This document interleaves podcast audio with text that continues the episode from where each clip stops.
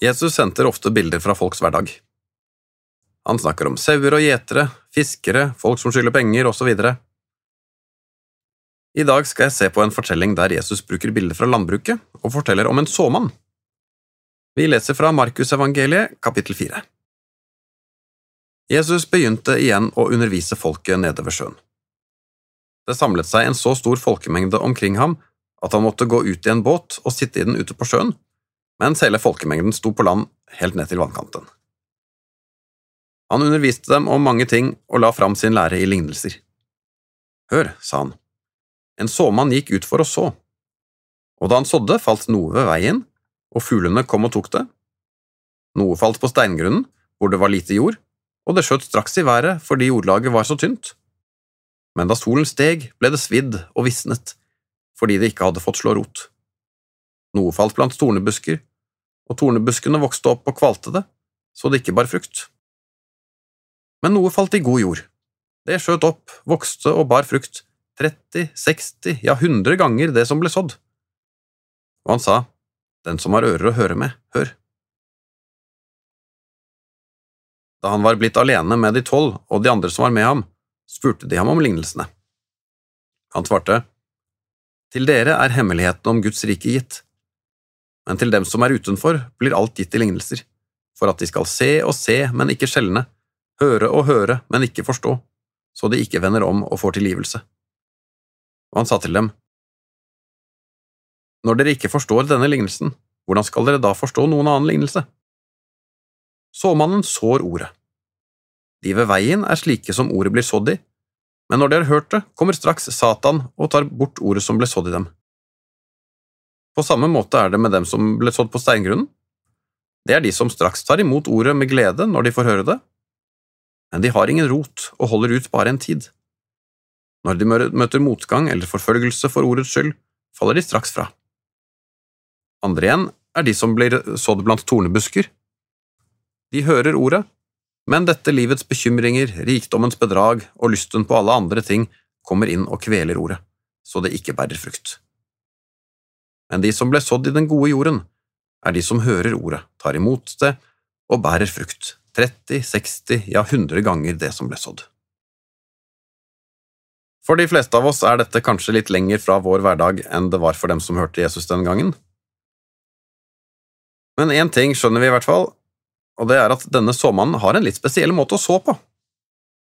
Det er ikke vanlig at kornbønder strør ut såkornene sine på veien, eller der hvor jordlaget er for tynt til at noe kan få skikkelig feste, eller i tornekratt. Alle fornuftige kornbønder sår kornet sitt der de vet at det er god jord og muligheter for å få en god avling. Men dette handler egentlig ikke om en kornbonde. Vi skjønner at såmannen er Jesus, og han forklarer at kornet som blir sådd, det er Guds ord. Det vil altså si budskapet om at Jesus er Guds sønn, og at han er kommet for å frelse oss fra synd og død og vise veien til et evig liv. Og Dette budskapet må ut til flest mulig. Og Jesus er ikke kresen på jordsmonnet når han sår ut, han sprer såkornet overalt hvor det er et minimum av mulighet for at noe kan spire. Og Det er det første vi skal ta med oss fra denne lignelsen. Jesus er en raus såmann, og han sår der hvor han kan komme til, fordi han ønsker at budskapet hans skal nå ut til så mange mennesker som mulig. Så kan vi jo tenke etter for egen del. Hva slags jordsmonn er jeg? Får såkornet slå rot og spire når Jesus sår ut budskapet sitt hos meg? Ja, Svaret på det kan kanskje variere litt etter tid og dagsform. Noen ganger tar fristelsene fra djevelen overhånd, slik at Guds ord ikke når fram til meg. Noen ganger blir jeg for svak når jeg møter noen motgang. Noen ganger er det for mye bekymring og lyst på andre ting i livet mitt, slik at det blir for trangt om plassen for Guds ord. Men det skjer også at jeg er god jord, at jeg tar imot budskapet fra Jesus og lar det vokse slik at det bærer frukt og får prege livet mitt. Går det an å gjøre noe med dette? Går det an å gjøre noe selv for at Guds ord skal falle i best mulig god jord hos meg? Ja, det gjør det. Det går an å arbeide med jordsmonnet slik at det endrer seg. Hvis problemet er fugler som kommer og spiser såkornet, altså at djevelen tar bort det som er sådd, da trenger vi et fugleskremsel. Overfor djevelen holder det ikke med en hatt og en jakke på en stang, der trenger vi noe mer. Vi trenger Jesus. Det er han som er vårt fugleskremsel. Søk dekning hos ham, og be ham om å hjelpe deg med å holde ut i fristelser og stå imot djevelen, slik at Guds ord ikke blir røvet bort fra deg. Og hvis problemet er for tynt jordsmonn, går det an å fylle på med mer jord.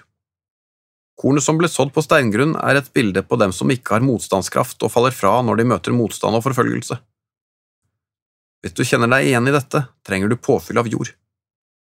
Det får du ved å høre til i et kristent fellesskap, der du møter andre kristne som hjelper deg til å stå fast når motgangen kommer.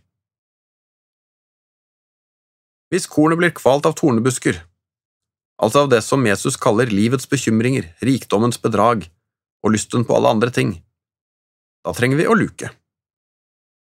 Da trengs det en ryddesjau i livet, for at ikke bekymringer og materialisme skal være hovedsaken, men ordet fra Jesus. På denne måten går det an å skape god jord, der hvor det er fugler og steingrunn og tornebusker. Der hvor Guds ord får slå rot og spire, der skapes det forandring, og det bærer frukt, 30, 60 eller 100 ganger det som ble sådd ut. Til sammenligning gir en vanlig kornavling i dag rundt 20 ganger det som ble sådd ut. Men hvis du lytter til Guds ord og lar det få være det viktigste i livet ditt, da kommer du også til å merke at det bærer mye frukt. Over en åpen bibel var ved Frode Granerud.